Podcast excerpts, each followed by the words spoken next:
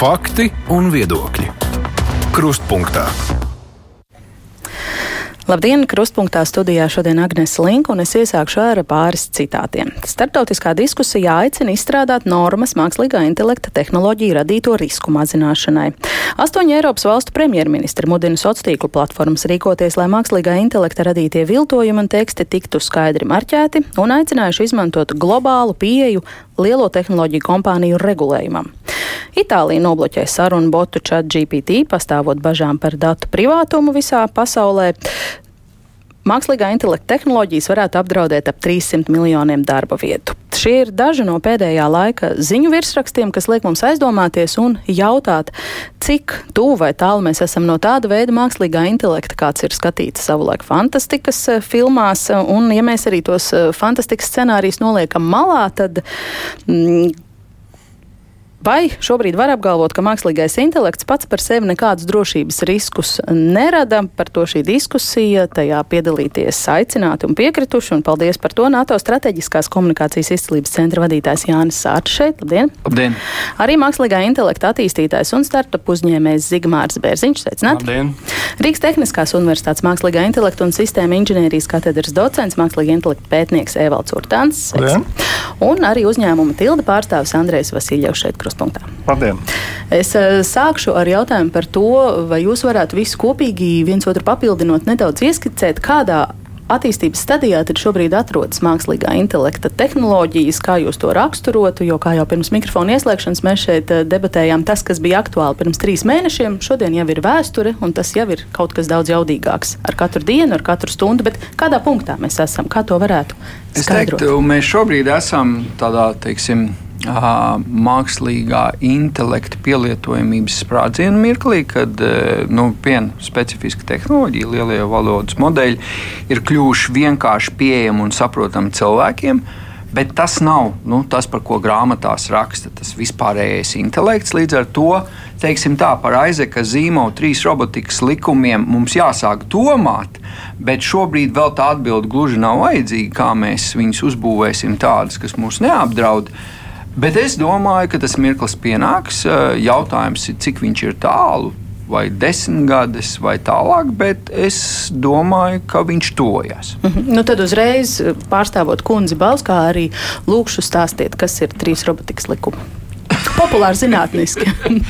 tā tur bija tātad, uh, likumi, kas ir nodefinēti, lai robots, mākslīgs intelekts, nu, kuram pašam pa savu spēju pieņemt lēmumus, nekādā veidā nevarētu. Uh, uh, nevarētu uh, darīt ļaunu cilvēkam kas ir nu, tas pamat, uh, pamatdoma šiem robotikas likumiem. Ja man vajadzētu citēt, es laikam ja, ja nemaldos, pirmais likums bija, ka robotam ir jāpilda cilvēka pavēles. Pirmais ir, ka viņš nedrīkst darīt Otrais, pār. ka viņš nedrīkst darīt pāri cilvēkam. Varbūt tā otrādi, viņš nedrīkst pārkāpt nu, nekādu secību. Tad trešais bija, ka uh, nedrīkst pildīt cilvēku pavēles, jo tās uh, nodara kādam pāri. Mm -hmm. Cik tuvu vai tālu mēs esam šobrīd no tāda robota vai tāda? Es domāju, ka mēs esam ļoti tuvu, jo mākslīgais intelekts pieņem mūsu darbā Un mākslīgais intelekts var arī mūs atlaist no darba. Pieņemsim, visas lielās uh, amerikāņu kompānijas, Amazon un pārējie. Viņi izmanto mākslīgo intelektu, machine learning, lai atlasītu labākos darbiniekus, un tālāk viņi mēra viņu performance, un tiklīdz, pieņemsim, kaut kāds Amazon kurjeris neatbilst viņu prasībām, tad viņi vienkārši viņu mākslīgais intelekts atlaiž vaļā. Līdz ar to nosacīti viņš dara pāri. Nosacīti. Jā, nosacīti. jo varbūt Piekrīt, tam cilvēkam visi? tajā brīdī ir bijis kaut kāds notikums dzīvē, ka viņš tajās dienās nevar izpildīt savu darbu atbilstoši. Cilvēks saprast, nu, ka nu, šoreiz es varbūt piemiekšu acis, bet mākslīgais intelekts nepieminēts. Evalds jau ir vēl kaut kas. ka mēs esam pamodušies beidzot tajā, kur jau mēs dzīvojam kādu laiku, jo tie lielie valodas modeļi jau eksistē vismaz kādus piecus gadus. Viņi tika mm -hmm. pielāgoti tam, lai dialogu veidā viņiem komunicētu, un tagad mēs pēkšņi sapratām, kas ir iespējams, un attiecīgi, kas ir interesanti, ka šīs regulēšanas grib veikt lielās korporācijas, kuras, kā mēs zinām, Twitter failos jau šādi šādus rīkus izmantoja masveidā, lai jau kontrolētu sabiedrību un tā tālāk. Bet nu, jāatzīmē, ka mākslīgais intelekts dara ļoti labu darbu jau tagad.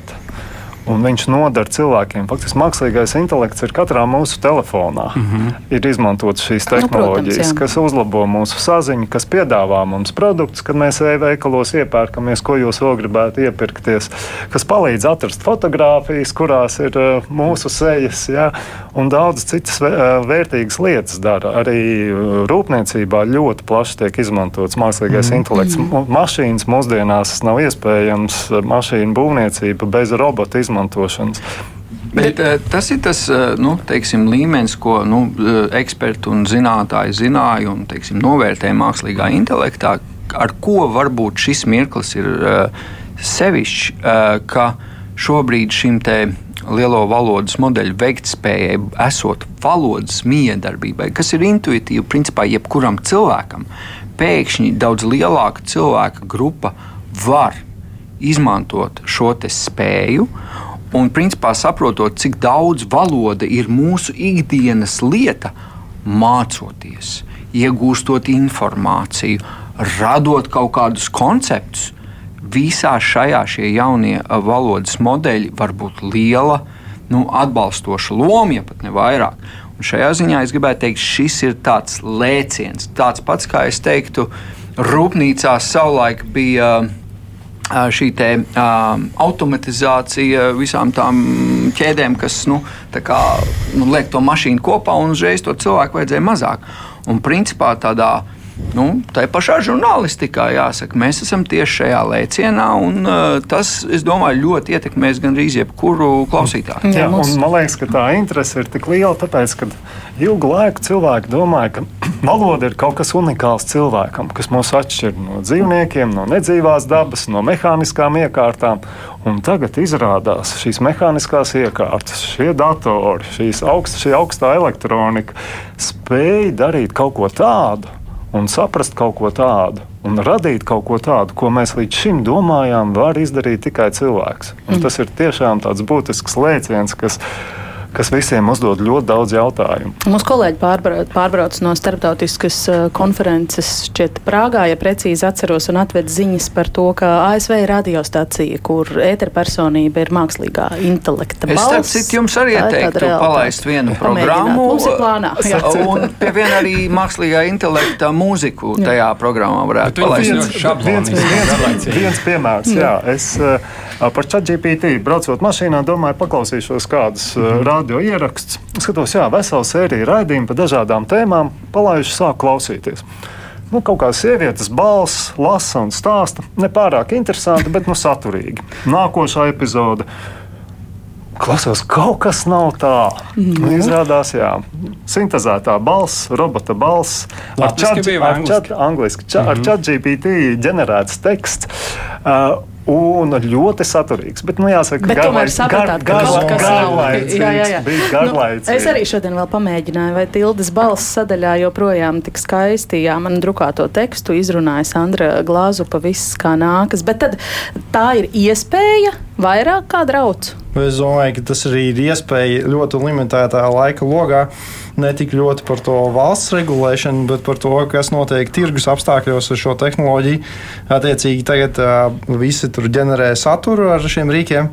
Un, tas, kā tas, tas ļoti neparedzējami, man liekas, ka mēs tagad nevaram prognozēt, kā tas viss beigsies, bet skaidrs, ka tas viss paliks visticamāk dārgi, un reklāma paliks dārgi, paliks dārgi izmantot sociālos rīkus, e-pastus dārgi paliks izmantot. Kāpēc dārgi? Tāpēc, kad varēs jebkurš ģenerēt pilnīgi neatpazīstamu tekstu no cilvēka, un visi, kas saka, ka to varēs klasificēt, es to garantēju, ka to nevarēs mm. klasificēt, un attiecīgi varēs, varēs panākt to, ka, ja, ja kaut kāds spēms, iedomājies, kas notiek, ja tev nāk iekšā visādi visos sociālajos tīklos, Twitteros, Facebookā, visur ziņas, ko nav cilvēks rakstījis tikai, lai tev kaut ko mēģinātu pārdot, un tas viss mainīs to, kā viss notiek. Mhm. Vai šeit ir saistība, piedodiet, ar to mm -hmm. Itālijas uh, soli, ka viņi ņem un aizliedz vispār to chat GPT un datu drošību? Ne? Aha. Itālijas solis ir saistīts ar personas datu aizsardzību. Mm -hmm. Tāpēc Eiropas regulējums un ASV regulējums atšķirās datu izmantošanā. Un tas, ar kādu datu apjomu ir trenēti šie modeļi, šie modeļi izmanto milzīgu datu, milzīgu datu apjomu. Visu, kas ir pieejams internetā, visu, ko jūs esat radījuši, šīs mašīnas izmanto, lai mācītos. Visu, kas ir iedrukāts grāmatās, kas ir digitalizētas, šīs mašīnas ir iemācījušās. Tā skaitā tur var būt arī dati, kas ir privāti un personīgi. Ko kādu iemeslu dēļ var atrast internetā par jums. Un tad var gadīties, ka šis eh, chat GPT vai cita veida sistēma sāk sniegt informāciju, kas ir aizsargājama. Šādi gadījumi vēl īsti plaši nav dzirdēti, bet likumdevēji jau sāk aizsarga, ieviest aizsargu mehānismus. Bet nu, tie ir jūsu viedoklis, Itāļi dara pareizi. Nepareizi, nepareizi fundamentāli nepareizi. Jo, nu, piedodiet, tas ir tāds, nu, teiksim, 18. gadsimta domāšana pielietot 21. gadsimta problēmai. Mm -hmm. Tas tā nestrādās. Šī ir uh, transformatīva tehnoloģija, un vienīgais, kā var menedžēt riskus, ir tā teikt, to izmantot, izmantot pozitīvā veidā, skatīties, kādā veidā tu vari produktivitāti, apmācības sistēmas un tā tālāk no tā iegūt. Un, protams, būs riski, un viņi būs ļoti pamatīgi. Riski par to nav šaubu, un būs eh, tā saucamais disruptions ļoti pamatīgā līmenī. Bet uh, manā skatījumā vienīgais veids, jo ārpus visiem tirgiem un tā tālāk, ir tas nākamais ģeostrateģiskais līmenis, kur arī notiek sacensība, ar kuru arī īpaši šajos apstākļos mums jārēķinās. Ja? Un tāpēc es uzskatu, tas ir nepareizi, mans redzējums ir, ka vajag maksimāli adoptēt. Uh, ieviest, protams, menedžējot riskus. Es pilnīgi piekrītu, ka aizliegšana ir nepareiza mhm. darbība. Mm -hmm. un, un tieši otrādi ir nevis jāaizliedz, bet jāizstrādā uh, mehānismi, kā izmantot uh, likumīgi un ētiski šos datus, gan datus, gan apmācīt šīs sistēmas. Mums, tas ir līdzīgi kā ieviešot automašīnas. Mums bija jāievieš mm -hmm. ceļu satiksmes noteikumi, jo bez noteikumiem automašīna var būt nāvīgs, uh, iznīcinošs mehānisms uzbraukt cilvēkam. Bet ieviešot ceļu satiksmes noteikumus, noteikums, mēs visi baudām uh, automašīnu priekšrocības. ChatGPT jau ir sakas, uh, vajadzēja. Uh, rezultāts. Vajag cīnīties ar sakām, un sakas ir šie dati, piemēram, Stable Diffusion. To var uzrakstīt iesniegumu, un pilnīgi visu, kas ir saistīts ar tevi, izņems ārā, un turpmāk datu trenēšanās vairs neizmantos. Tu tur vairs neeksistēs. Ja? Un Itālijā vajadzēja ieviest to pašu, ka es varu uh, uzrakstīt uh, kaut kur iesniegumu, un ka visu informāciju, kas eksistē par mani, izņem ārā, un neviens vairs nedrīkst bet, izmantot. Bet, ja šo modeli bet ir jau aizgājis, uztaisa. Jā, jā, nu, tā, tā, tā, tā, tā, kurš virza to procesu? Ja tie tie, kuri tur rokās stūri un visas kloķis virza procesus, tas ir, man liekas, viņu interesēs. Attiecīgi, man liekas, vienīgais veids, kā, kā šo visu padarīt tādu patiesi izmantojamu un nevis korporāciju rīkus, ir, ir būtībā nevis, nevis regulēsim, bet taisī ieguldīsim, finansēsim publiski pieejams, milzīgas valodas modeļus, kas ir pilnīgi visiem pieejami, nevis pieejami izredzētām grupām tikai. Bet tas jau ir OpenAI pieeja. OpenAI nav pieejama. Nav, nu, Tagad pašlaik eksistē pāris iniciatīvas, kur cilvēki cenšas to darīt, bet attiecīgi tas ir tā kritiskā domāšana tagad būs super svarīga. Jebkuram tekstam, jebkam nekam nevar vairs ticēt. Viss ir dzeltenā presa būtībā pašlaik internetā. Un vienīgais, tad arī kritiskā domāšana ir tajā, ka kurš ir tas, kurš tagad sauc, regulēsim visu šo, vai tas ir tie, kas ir tie vidēji uzņēmēji, tur vispār sabiedrība, vai tie ir lielās korporācijas, Jā, kurām pieder. Tieši, tieši par šo es jums gribu pajautāt, jo mēs jau esam drusku pārgājuši no problēmas definēšanas pie iespējamiem risinājumiem. Viss mums te ir sajūtas kopā, bet pirms kāda laika plašsaziņas līdzekļus aplidoja šī vēsts, ka vairāk kā tūkstotis investoru un ekspertu aicinājuši apturēt jaudīgu mākslīgā intelekta sistēmu attīstību. Es atceros, ka Elonas Masks arī pārstīja, kurš tikko paziņoja, ka viņš arī izstrādā mākslīgā intelekta. Jā, nu lūk, lūk, lūk, ļaujiet man pabeigt jautājumu. Tesla īpašnieks un, un mm. Twitter īpašnieks Ilons Masks, Apple dibinātājs Stīvs Vozņiks, daudzi citi, un tas, ko viņi tur saka, ka mākslīgā intelekta sistēmas ar cilvēkiem līdzīgu intelektu var radīt lielus riskus sabiedrībai un cilvēcei. Tās vajadzētu attīstīt tikai tad, kad būsim pārliecināti, ka to ietekme būs pozitīva un to riski būs pārvaldāmi. Nu, vajag vismaz uz pusgadu apturēt jaudīgu mākslīgā intelekta sistēmas uh, attīstību. Jums, protams, visiem tas ir zināms. Jūs mm -hmm. iepazināties droši vien ar šo vēstījumu tajā dienā, kad tas iznāca, bet, bet uh, varbūt visiem mūsu klausītājiem arī tas tā nav. Nu, Par ko ir šis stāsts? Ko jūs redzat aiz tā? Tā ir sāpju, tirgus vēlme. N- Es arī lasīju, ka nebija precedents tirgus lūgums eh, valdībai mm -hmm. to regulēt. Nebija precedents komercijas vēsturē. Kas aiz tā stāv? OpenAI, tad viņš nolica nost, tagad viņam ir sāpes, tad viņš uzrakstīja vēstuli, tagad viņš atkal dibinās savu kompāniju. Restīvi, briesmu Bet- un bažu tur nav. Nē, nu, tās ir nē, lielo nē, pušu nē, nē, nē, spēles. Nu, protams, šī ir transformatīva uh, nu, tehnoloģija. Kopumā mēs vienkārši redzam to nākamo soli. Droši vien tālāk ir citi soļi, kurus mēs vēl šobrīd nevaram saprast un apzināties. Uh, un riski gala beigās, manuprāt, noteikti ir. Viņi var diezgan būt fundamentāli, bet viņi nav nu, teiksim, neizbēgami. Bet kur ir problēma? Es neticu regulēšanas uh, ceļam. Tāpēc, ka tehnoloģijas ātrums un tehnoloģijas attīstības ātrums iepatim jebkura regulējuma ātrumam vienkārši divi dažādi ātrumi. Mūsu pārvaldības modelis nav piemērots šādai tehnoloģiju attīstībai. Pa virsmu tam visam nāk eh, tā saucamais, kā jau teicu, ģeostrateģiskā sacensība starp eh, ne tikai biznesiem, kas šobrīd pamatā vada to, bet arī starp valstīm un valdībām. Un šajos apstākļos jāsaprot, tāds tiešām ļoti kvalitīvs mākslīgais intelekts ir lielāks ierocis nekā atombumba. Un tas um, potenciāli tā. Šo domu vajadzēs izvērst. tad Tagad es domāju. Nu, un tā, tādā ziņā nu, tā vēlme būt pirmajiem būs principā gandrīz nepārvarama. Bet kāpēc ir svarīgi? Man liekas, tāda diskusija ir nepieciešama, vai viņi spēs ietekmēt rezultātu. Tas ir jautājums. Bet diskusija par riskiem. Un tāda nopietna saruna kaut kādā mirklī, es pieņemu, viņi dos iespēju arī attīstītājiem, kas strādā pie tā, varbūt paskatīties nedaudz savādāk. Es īsti neticu, ka tas dos tūlītēju rezultātu, bet debati ir svarīga. Es arī dzirdēju, ka jebkura, eh, jebkurš regulējums eh, būs eh, civilējiem, bet militāristi tāpat mauks pilnā gāzē uz priekšu. mauks, Viņiem regulējumi, jā, un tas jau notiek. Bet nu, par to auto bumbu jūs izstāstīsiet, tad Jā, tomēr es lūdzu populāri zinātniski. Nē, nē, es nedomāju, ka tā būs tāda bumba, kas sprāgs. Mm -hmm. Nu, viņa var Nu, mentāli. šī Bet, eh, tieši tā, eh, tajā, ko šāda teiksim, ļoti efektīva mākslīga, piemēram, iepratim cilvēka rīcībai, cilvēka Sabiedrības eh, viedokli redzējumam, kas vispār notiek pasaulē. Tur nu, pie, ne, ne šobrīd, bet teiksim, ar kaut kādu perspektīvu, tā, tā, tā tehnoloģija ļoti, ļoti spēcīga var kļūt. Tāpat tās virknē citu jomu. Tas var būt, nu, un es saku, no strateģiskiem efektiem. Viņš var tikt pielīdzināts eh, nu, tādam automobiļu sprādzienu efektam. Jā. Nu, mākslīgais intelekts ir ārkārtīgi spēcīgs instruments, kas var tikt izmantots cilvēku labā, lai risinātu mums ļoti būtiskas Nu, to mēs jau problēmas. esam ja? noskaidrojuši, jā. Jā, bet viņš ir tik spēcīgs instruments, ka viņi arī var vērsties pret cilvēkiem. Un mēs šos piemērus redzam. Mēs ir- gribam tos piemērus, lai jūs pie- izstāstītu. Piemērs, ja paskatīsimies, kas notiek Krievijā. Ja? Tur tiek Maskavā ļoti plaši tiek izmantotas kameras, novērošanas kameras. Visi brīvdomīgie tiek fiksēti. Jums pietiek iziet piketā vai demonstrācijā, lai jūs uzreiz jau noskaidrotu, kas ir šī persona un pret viņu vērstos. Ķīnā ārkārtīgi plaši tas tiek izmantots un citur. Un- un tas rekomendēt ir arī- piemērs, kā tiek izm- ierobežota vārda brīvība un demokrātiskas izpausmes. Un tas pats ir jautājums par vērtībām. Kādas ir mūsu vērtības? Kādas ir Eiropas vērtības, mēs runājam par Eiropas procesu?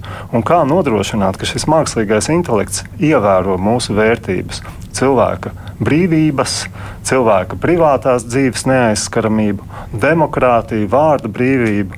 Mums ir jāpanāk, lai mākslīgais intelekts dot iespēju mums izpausties, nevis dod iespēju totalitāriem režīmiem un sliktajiem zēniem darīt sliktas lietas. Evalds Nu, tā nav tikai Krievijas un Ķīnas problēma, arī kā tie paši Twitter faili un, un eh, tie sociālai tīkli, un arī Ķīnas propagandas, TikTok mašīnas un vispārējais. Būtībā tu, tur arī tas tiek izmantots jau arī rietumu pasaulē, kur sabiedrība tiek programmēta politiskā virzienā, un to pašu pierāda arī paši tie. Iedomājieties, jūs varat uztaisīt testu vai ne, lai novērtētu savu politisko piedarību, un ja to testu uztaisīsi uz chat GPT modeļiem, tad viņi ir stipri kreisi novērtēti, un attiecīgi iedomājies, ja tev ir orāli akls, kam tu prasi jautājumus, kas ir īstenībā politiski tendēts vienā virzienā, tikai vienos vārtos.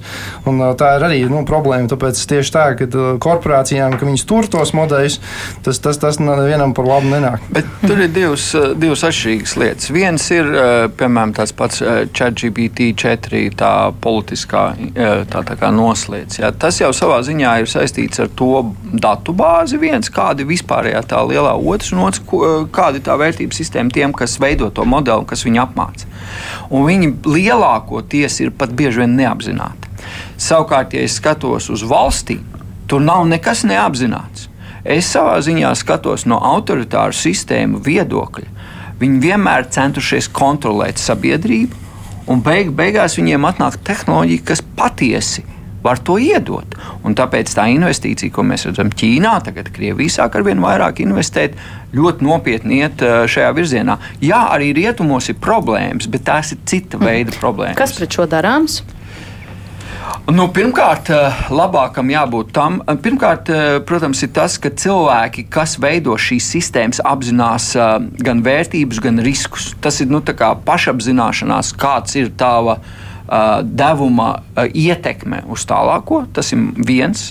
Otrs, tieši tā šīs debatas, kas nu, tās vēl joprojām ir cilvēku debatas par to, kas ir labi, kas ir slikti. No, kas pie mums ir un ar autoritārajiem režīmiem debats. vienīgais veids, manuprāt, kā to risināt, ir, ka mēs kā rietumi esam pirmie, un tas nu, tā vispārīgais mākslīgais intelekts, kas parādās, tad ir balstīts tajās demokrātijas, cilvēku brīvību vērtībās, nevis tajās otrajās, kur mēģina radīt nu, pretējā sistēma. Un šobrīd mēs kā rietumi esam pirmie. Oh. Mēs, Galīgi kā, teiksim, mēs kā Eiropa mm -hmm. cenšamies virzīt šo procesu, un Eiropā likumdevēji strādā pie mākslīgā intelekta akta, pie uh, dokumenta, saprast, kādā veidā mēs varam noteikt, kuras ir tās bīstamās tehnoloģijas, kuras var vērst pret cilvēkiem un kā tās regulēt, un kuras ir tās tehnoloģijas, kur tieši otrādi nedrīkst neko regulēt un kurām jāļauj, jāļauj brīvi attīstīties. Mm -hmm. Te skeptiķi laikam izelpoja. Jā, jā, nē, nu,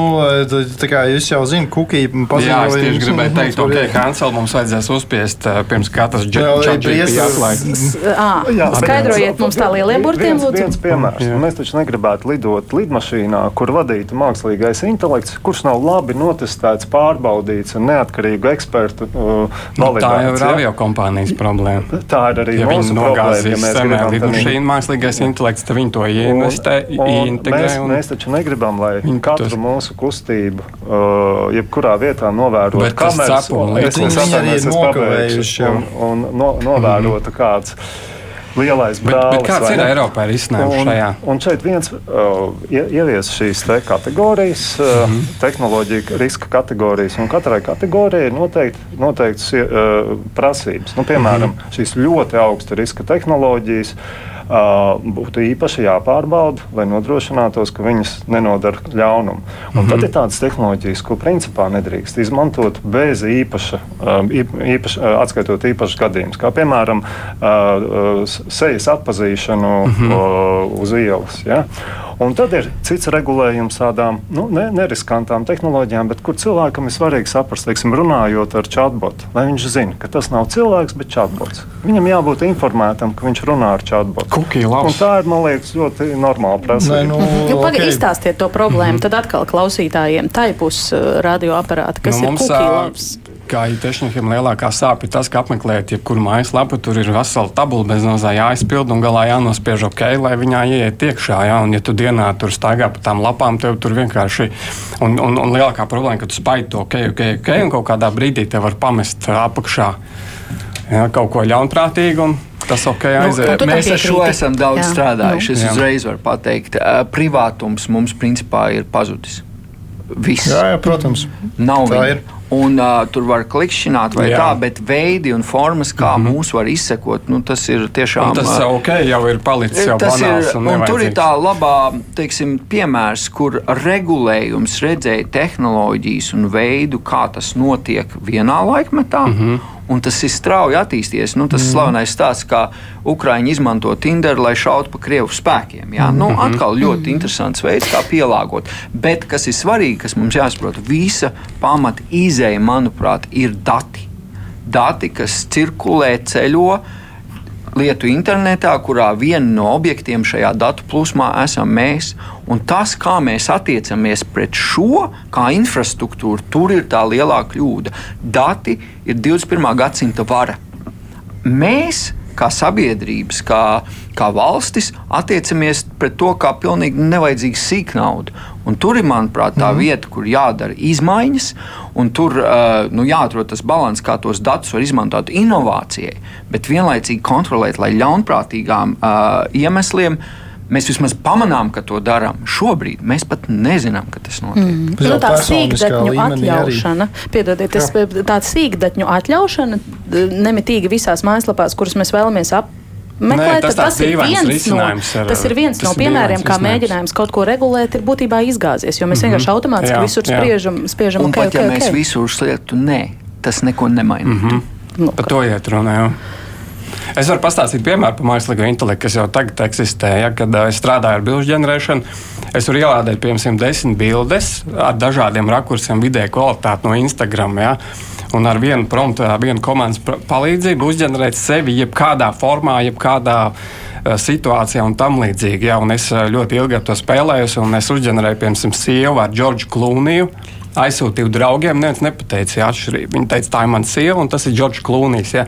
Un, un lielākā problēma tāda, ka es varu paņemt jebkuru no Instagram, kaut vai Lauru Reiniku vai, vai mūsu prezidentu eh, par, par dolāru uzģenerēt uh, kompromatu, ja, un tā, ka, piemēram, atturot uz telefonu, neko nevarēs pateikt. Pilnīgi neko. Ja es aizsūtīšu, piemēram, viņa sievai, pasies, ko tavs vīrs dara. Sieva atvērs vaļā, viņai šoks, tur bija pa gaisu. Ja.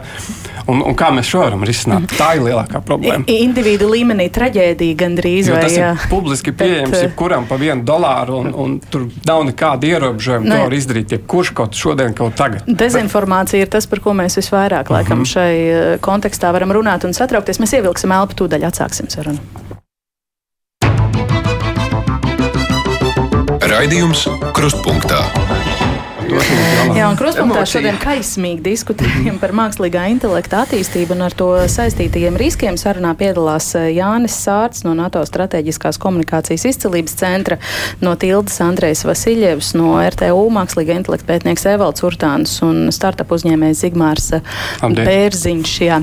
Es teicu, ka tas, tā dezinformācija ir tas, tas laikam lielākais un dezinformācijas uh, izplatības iespējas ir tas uh, lielākais. Nē, tas ir acīm redzamākais. Es to sauktu tā. Uh, tas nav lielākā problēma. Manuprāt, starp mm. tām problēmām tā nebūtu nav lielākā, bet viņi ir acīm redzamā un tūlīt jau, nu, teiksim, principā, jebkurā mirklī var izjaukt to, kā mēs vispār uztveram informāciju. Kā, kā jau teicu, nu, vairāk nu, tie tie veidi, kā var atzīt kaut ko, kas nav patiesi nezināms, un tā tālāk, nu, tie instrumenti vairs nav derīgi. Mūsu smadzenes pilnīgi noteikti nav ekipētas priekš tā. Līdz ar to, protams, šajā gadījumā vienīgais, kas atliek, ir uh, tiešām skatīties un runāt ar pašām tām kompānijām, kas ģenerē šos produktus. Jā, es tikko skatījos, droši vien lielākā daļa redzēja, kāds bija mēģinājis GPT-4 integrēt tajā savās robotu uh, sistēmās Twitterī, un tur bija smuka tāda daudziem kontiem atbild, ka nu, to neētisko uh, es ne, produktu es nedošu. Jā, bet tas nozīmē, ka šis jau viss notiek. Kā ar to cīnīties? Nu, manuprāt, vienīgais šobrīd pieejamais risinājums ir tiešām vērsties pie kompānijām, bet tam, nu, tas ir tāds nu, teiksim, strādā līdz zināmam mirklim, mm. ja principā pat droši vien būs grūti. Tā ir viena problēma, jā. ka to bilžu ģenerēšanu var uzlikt uz jebkuru gaming datoru mājās. Nu, jā, nu, lūk, un šeit mēs ieskrienam tajā, ka miljoniem datoru un tas viss ir principā bildes un valoda jebkuram no mums. Pa... Un kas ir slikti? Jo kur tad ir objektīvā realitāte? Mēs jau tā kā sabiedrības esam šausmīgi cīnījušies jaunajā laikmetā nodibināt, kas ir objektīvā realitāte, kas ir faktoloģiskā mm. realitāte. Un šitais to padarīs. Mm. Tā ir tas visam krusts pāri. Tas vēl, sliktāk arī var tas notikt, ka tagad ar regulāciju tam mums būs kaut kāda Orvela patiesības ministrija, mm -hmm. kas pateiks, kas ir patiesība un kas nav patiesība. Es neusticētos valdībai nolemt, kas ir patiesība. Ne, no es, patiesība. es gan teiktu, ka no mēdīju viedokļa varbūt tur pat ir labā ziņa.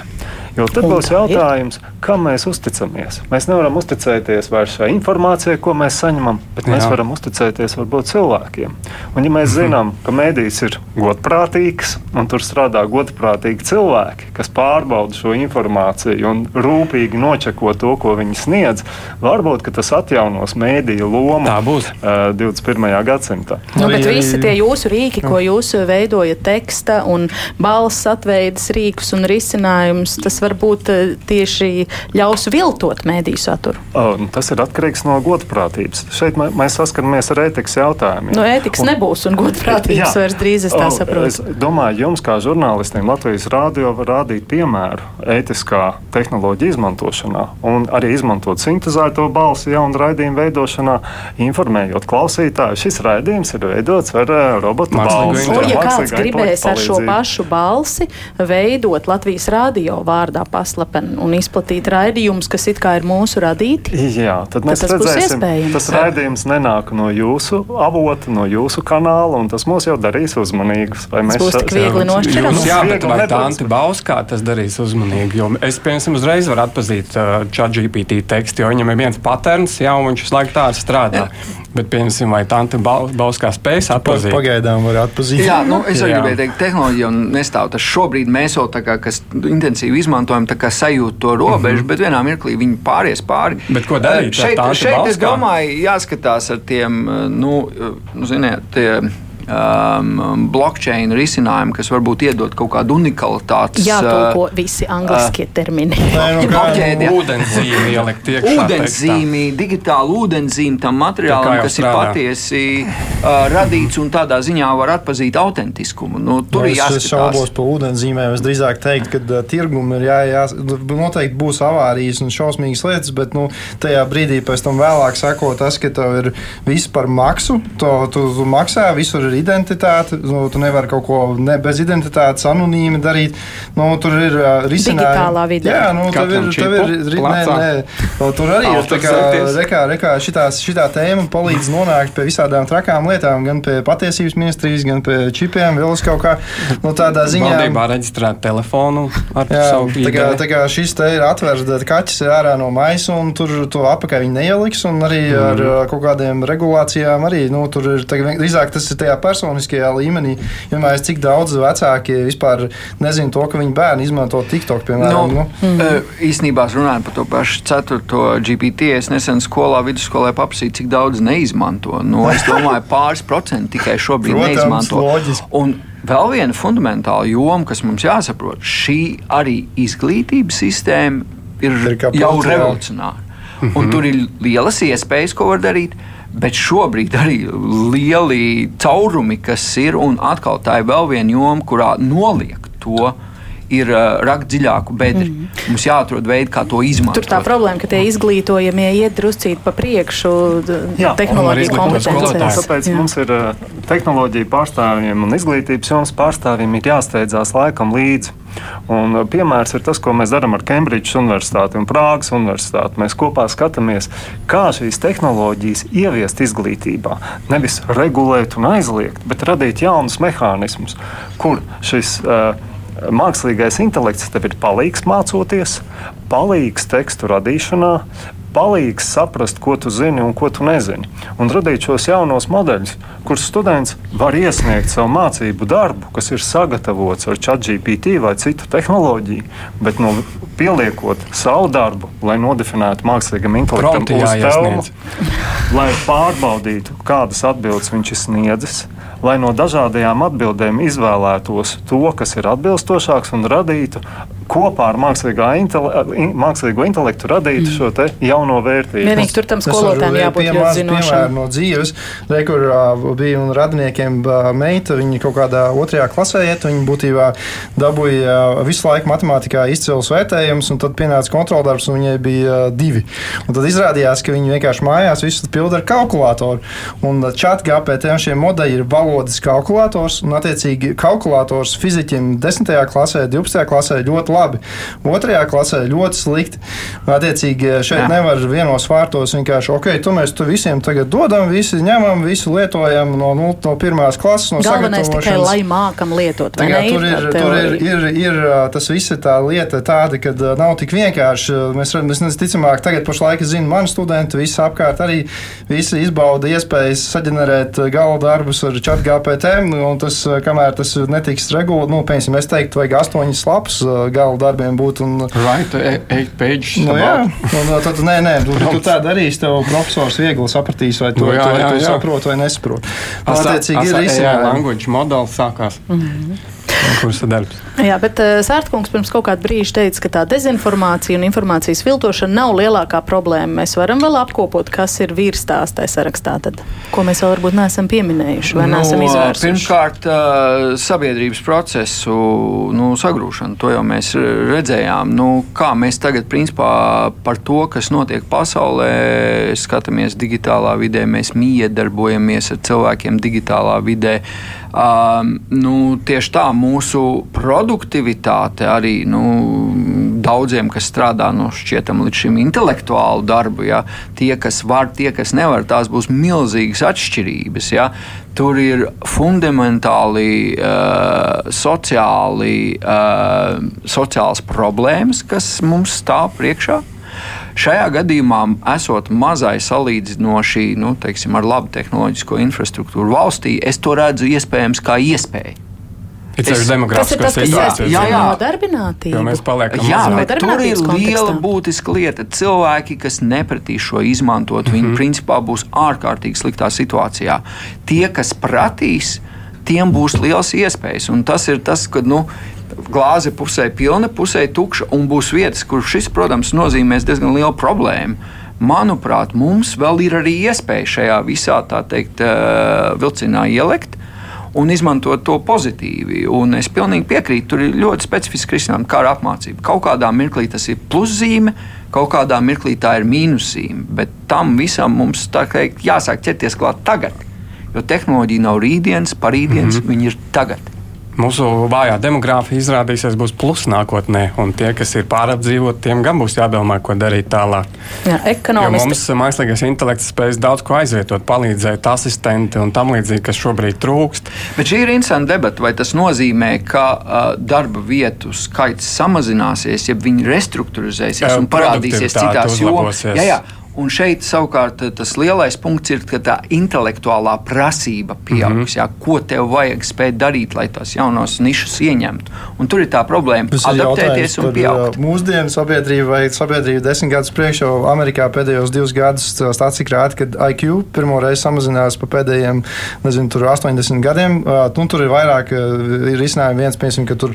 Tas ir TikTok. Nē, nu arī, nē, nu viens ir tas, ka, ka, ir, ka ir, ka ir nu, izglītotiem vecākiem vai ne, mazāk bērni, un tad, attiecīgi, viņi tie, kas ir mazāk izglītotiem, vairāk, attiecīgi, sabiedrība mainās, piemēram, viena versija, bet vispār šie digitālie rīki arī to visu ietekmē, un iedomājas tagad, labi, mēs produktivitāti baigi palielinās, bet ja mēs tur neko nedarīsim, tad visi tie sākuma skolēni ar chat GPT, viņi neko neiemācās, un tā nopietni pēc tam konverģēs visus to informāciju, kas tur ir, un, attiecīgi, iedomājies, kāda ir nākamā sabiedrība. Bet varbūt viņi būs profesionāli chat GPT darbinieki. viņi būs kopīgi. Bijis chat. Kad viņi izaugs, tad chat GPT vairs nebūs. Viņi, tas, tas ir jāapzinās, ka mēs esam laikā, kad nevar vairs stik, iztikt ar to izglītību, ko tu esi saņēmis skolas vai universitātes solā. Ir jāmācās mūža garumā, jāapgūst jaunas prasmes un jaunas zināšanas. Un chat GPT ir pavisam jauna tehnoloģija. Pēc gada diviem nāks atkal jauna, Tagad pavisam tehnoloģija. Tie, tie, kas pratīs tās tehnoloģijas izmantot, tie būs veiksminieki. Un, mm -hmm. un tas uh, risks, par ko tagad daudz runā, ir sabiedrības noslēgums noslāņošanās, lai nerodas sabiedrības slānis, kurš, kurš netiek tam visam līdzi. Un kurš atkal nevar izmantot šīs iespējas, neiegūst darbu un eh, kļūst sociāli atstumts. Jā, es tikai ar tiem eh, cipariem, ko gribēju šī, eh, šīs temata sadaļas sākumā iestarpināt, ka ekonomisti esot aplēsuši, ka 18% pasaules darba vietu varētu automātiski darīt mākslīgais intelekts, bet tas gan vairāk ietekmētu attīstītās, nevis eh, attīstības valstis. Pirms cik ilga laika tas taisnība? Nu, pēdējo nedēļu ziņa. Nu, bet viņi jau droši vien pētījuši kaut kādu ilgāku laiku. Mm -hmm. Es, es, es tā kā laikam pat pilnībā nepiekrītu. Tas ir jau prognozēt īstenībā. Jā, jā, tas ir ļoti Jā. Tad tagad ir tik ļoti neparedzējams brīdis. Vienīgais vēl labā ziņa, piemēram, ir tāda, ka es vairs nevaru uzticēties datu marķēšanai. Internetā, piemēram, jau, nu, ziniet, senāk mēs varējām pelnīt naudu, ja tu tur atzīmē, tur ir suns, kaķis un tā tālāk. Mm -hmm. Tad tagad to visi gudrinieki automatizē un, attiecīgi, es tur nevaru uzticēties tiem rezultātiem. Tad tagad parādās iespējas, piemēram, man vispār ideja varētu sociālo uzņēmumu taisīt un no pensionāriem dot marķēt, lai kur nemāk izmantot šos rīks. Tā kā tur ir. Uh, kaut kas ļoti interesants pašlaik notiek. Paš, nu, tādā ziņā, ka uz visām pusēm viss attīstās. Jā, bet mēs esam ļoti tādā tehnoloģiskajā diskusijā. Paskatīsimies no pozitīvās puses. Ja, ja tehnoloģija spēj aizvietot šo tehnisko, um, intelektuālo arī darbu, ir tomēr tās sfēras, kuras uz cilvēku savstarpējais kontakts ir būtisks. Mūsu emocionālā saikne, sociālā saikne, tas, ko mēs varam tikai kā cilvēki viens otram dot, kur mūsu empātija, spēja līdzi mm. just, spēja saprast otru, ieklausīties un kaut vai labi pavadīt laiku kopā ir būtisks. Un tās ir tās jomas, kuras varbūt attīstīsies uh, paralēli uh, šīm tehnoloģiju attīstībai. Šīs jomas varbūt iegūs daudz cilvēku, tur atradīs savu iespēju un savu pielietojumu. Mm, jā. Mums ir sistēma, kas atpazīst empātiju. kā sanāk viņai? Labi, mēs zvanu centros izmantojam un pārdošanā. Pēc balss, jā. jā. Un arī pēc satura. Pēc balss intonācijas. Jā, jā bet nē, nu, iedomājies, kas ir empātija. Ja tev ir skumjš cilvēks un tev pretī pielāgojās emocionāli, nevis tur blieži vienkārši priecīgi virsū, tu vari aprakstīt to. Mm. Mm. Drusku klausītāju iesaist Jānis Vaicā jautājums par mākslīgo intelektu. Cik drošas ir militārās tehnoloģijas no mākslīgā intelekta? Intelekta ietekmes, vai filma Terminators, Terminators ar Skynet nevar izrādīties realitāte. Es nezinu konkrēto filmu. Bet, nu, uh, ne, nu, uh, interesanti pirmkārt ir tas, ka šobrīd uh, priekšplānā mākslīgā intelekta izstrādē vairs nav teiksim, tā militārā nozare. Šobrīd tiešām vairāk ir šie lielie, lielie nu, teiksim, tehnoloģiju uzņēmumi. Bet, protams, mākslīgais intelekts tiek plaši izmantots, tiek daudz teiksim, investēts tajā. Uh, un kā jebkurā jomā, tehnoloģijas, kas attīstās, tās robežas nav līdz galam skaidras un zināmas. Ja? Un šeit es atgriežos pie tā, ka es paredzu, ka tā izšķirošā uh, kauja būs dati, kas ir izējas mhm. materiāls mākslīgam intelektam. Un pēc tam tikai sekos tie droni, kas strādās pēc tam pašām mākslīgā intelekta programmām, visādi citādi pašvadoši uh, militāri ieroči un tā tālāk. Dati būs tas uh, pamatcīņas lauks, manuprāt. Un šeit militārā sfēra ir tā, kur varbūt uh, ir ilgākus gadus mēģinājumi regulēt mākslīgā intelekta lietojumu, bet nesekmīgi. Tas ir runa ir par autonomiem, letāliem ieročiem. Tādiem ieročiem, tādiem, tādām sistēmām, kuras bez cilvēka līdzdalības var pieņemt lēmumu nogalināt vai nenogalināt. Un tas ir ļoti būtisks ētisks jautājums, vai mašīnai var uzticēt šādus, šādu lēmumu pieņemšanu. Un pie kā tas viss ir nonācis? Uh, nu, nav izdevies panākt. Viņiem ir, es, arī esmu runājis, tur Ženēvas konvencijā ir tāds punkts, ka, tev, ka ir jānospiež poga arī mākslīgā intelekta ieročiem, nu, kad, operators pasaka, ka es esmu gatavs to darīt, bet tā par to Skynet un to robotu, vai ne, kad te ir vēl parādījusies tas aspekts, ka, ka cilvēki nebija apjautuši to, cik dabīgi dabīgā valoda ir tuva saistīta ar, paša, ar pašapziņu, to, ka, tas, ka viņš pats kā sevi apzinās un domā un spēj darīt lēmumus un tā tālāk. Un, uh, tas ir diezgan fascinējoši, kas tagad ir atklājies, kad, uh, nu, kā pat Bībelē rakstīts, iesākumā bija vārds, un tagad sanāk, ka no vārda pēkšņi ierauga, ierauga tajā vārdā, tajā valodā ir iekodēta pašapziņas liela daļa. Un, attiecīgi, mēs pat nevaram prognozēt, varbūt pēc gada jau šādi modeļi būs, kur līdzīgi kā Azimova, piemēram, ka mēs esam tagad pienākuši daudz tuvāk Azimovam nekā pirms diviem, trim gadiem, kad cilvēki apzinājās, viņi domāja, ka kā tad mēs viņus regulēsim ar valodu, likumiem, tagad reāli likumi un valoda ir salaists kopā. Kad likums varēs mākslīgais intelekts izstrādāt? Labs jautājums. Nu, īstenībā es domāju, uzticēt šobrīd eh, dažiem juristiem būtu jāiesvīst, jo mm -hmm. varbūt ne likuma izstrādē, kaut gan arī to droši vien varētu E, piedāvāt. e, bet intelekta valdība ir likuma bāzes, visas interpretācija, mm -hmm. kuras, teiksim, normas piemērot, kuras nē, es domāju, šobrīd nu, tā bija šīm pastrādājot, tas varētu strādāt pat ļoti labi. Mm. Es domāju, tā tā ir balss, ka interesē, vai ir iespējams izstrādāt mākslīgā intelekta valdību, kas mūs vadītu. Vai tu gribētu tādu Labāko prezidentu izvēlēties objektīvi. Bet Atcerieties, ka viņi ir noslēdz viņiem konkrēti uz, uz to, to, kas bija datos. Tad tu tur arī varēs būt tāds 2021. gada kandidāts tur mākslinieks. Jā. Ziniet, politiskam procesam lielākās uh, elements ir uzticēšanās uh, rezultātam. Mm. Es domāju, pie mākslīgā intelekta šobrīd tādas uzticēšanās nebūtu. nav. Jā, un bet- šeit nevajag nemaz mākslīgu intelektu. Ja mēs runājam par elektroniskām vēlēšanām, nu, kāpēc uh, gandrīz nav valsts, atskaitot Jā. mūsu kaimiņus, un varbūt vēl kā Krieviju. jā. Labāk neusticēt. Uh, Tā kur, ir. kur šīs vēlēšanas ir, tas ir uzticības jautājums. Tā ir. Kāds klausītājs mums raksta, problēma ir tajā, mm, ka GPT ar to ir dažreiz interesantāk runāt kā ar dažiem cilvēkiem. Pats bija pavadījis ar viņu sarunās stundu un biedē tas, ka viņš pasvītro, ka neizjūt emocijas, ka viņš ir tehniska būtne. Tas savukārt nozīmē, ka viņš augst, augstasinīgi var izdarīt ko ļaunu. Jā, mani draugi. Jā, Pat arī bija ziņās vakardien, kad arī Amerikā viens cilvēks pašnāvību izdarīja ar ā, chat GPT tipa modeļiem, chatbotiem, kur viņi pārliecināja to izdarīt. Attiecīgi, ā, nu, tajā pašā laikā tas atkal, man liekas, daudzas lietas aiziet līdz tam personiskajam izglītības līmenim.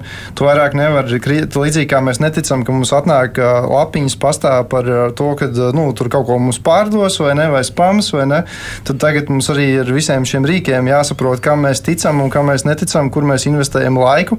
Attiecīgi, nu, es, nevaram uzticēties chat GPT tipa chatbotiem un līdz tādam līmenim, ka ticēt, ka viņš, viņš pa- laikam bija par klimata aktīvists. kur, Nu, tādā, Es lasīju rakstu, kur bija rakstīts, ka drīzumā būs moments, kad cilvēki iemīlēsies ChatGPT. Un, un ilgāk ar viņu čatojot. Viņam fermoni būs parādījušies.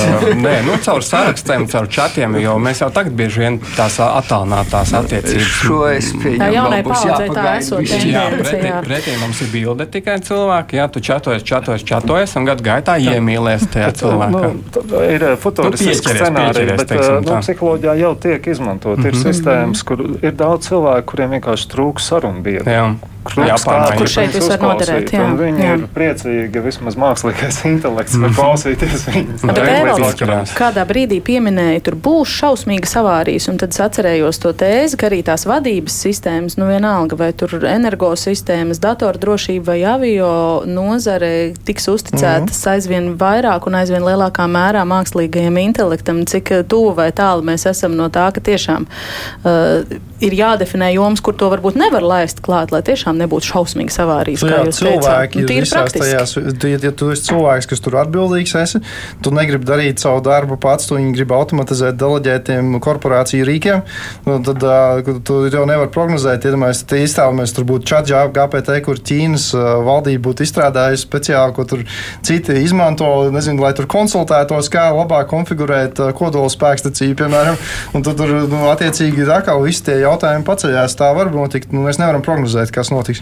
Nu, šī ir, manuprāt, tā diskusija, kura ir pietrūkusi, kur ir tie limiti, kurus mēs gribam uh, novilkt līniju, ka šeit mēs negribam laist šos mākslīgā intelekta risinājumus.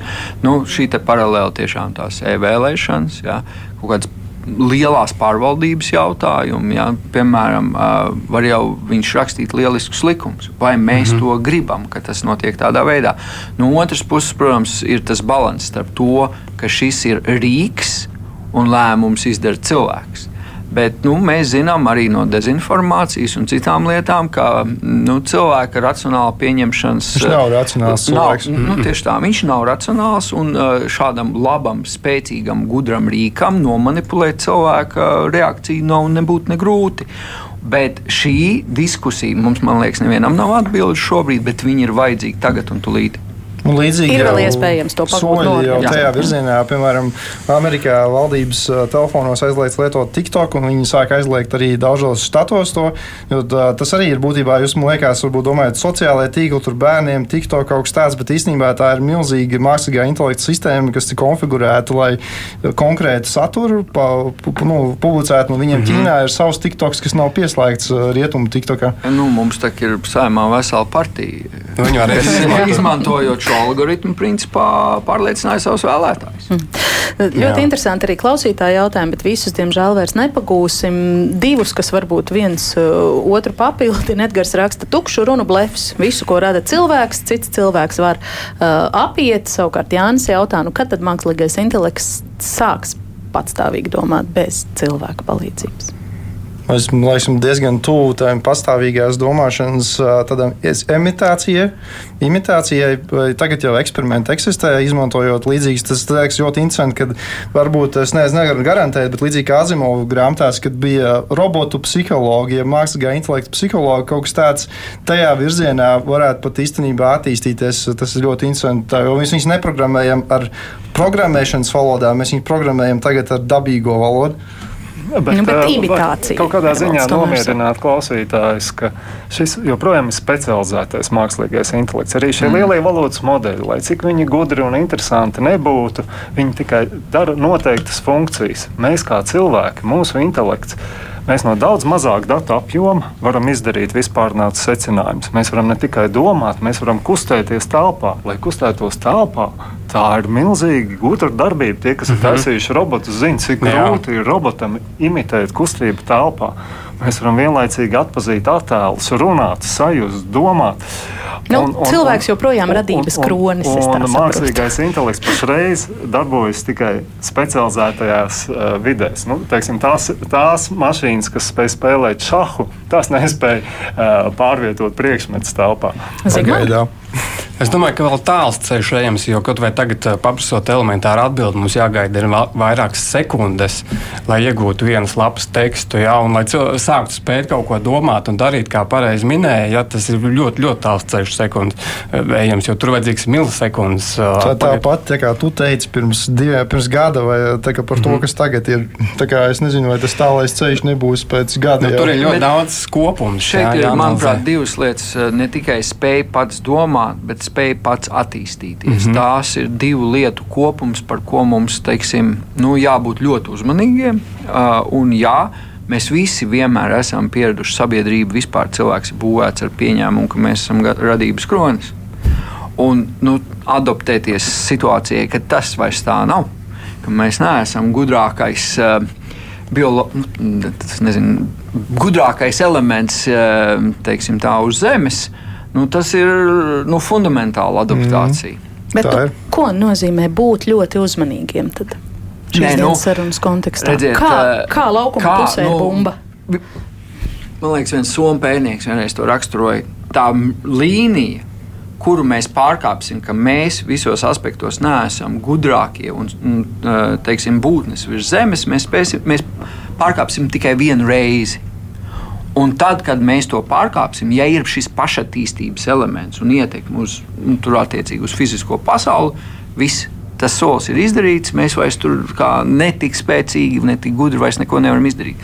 Līdz ar to ir ļoti svarīgi, kā tas solis tiek izdarīts, vai tur ir tie parametri, ielikt tie paši trīs robotikas likumi, ka mēs zinām, viņš nāks mums par labu. Nevis, nu, teiksim, tā aizies viss greizi. Bet tā atslēgas lieta ir pašattīstība. Oh, varbūt to var ilustrēt Ļoti ar to. īsi.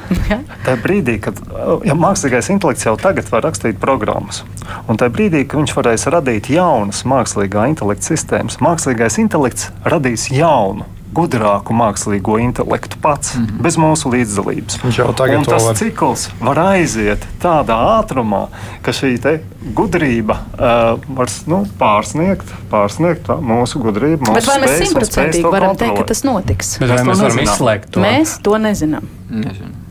Bet tagad var izmantot Ah. iespējas visu un uh, atkal izbaudīt, es kas pieejams. Es varu Jā.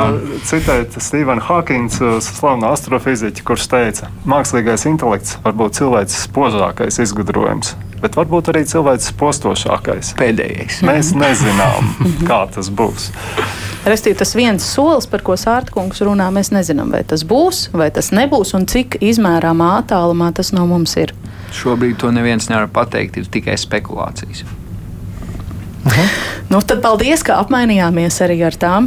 Šodien redzījumā krustpunktā viesojās um, NATO strateģiskās komunikācijas izcelības centra vadītājs Jānis Sārts. Paldies par uh, dalību redzījumā. Arī mākslīgā intelekta attīstītājs startup uzņēmējs Zigmārs Bērziņš. Paldies. Uh, šeit Rīgas Tehniskās universitātes mākslīgā intelekta un sistēmu inženierijas katedras docents mākslīgā intelekta pētnieks Evalds Urtāns un uh, no uzņēmuma Tildes līdzdibinātājs pārstāvis Andrejs Vasiljevs. Paldies. Mm, ka, paldies, ka veltījāt laiku. Jā.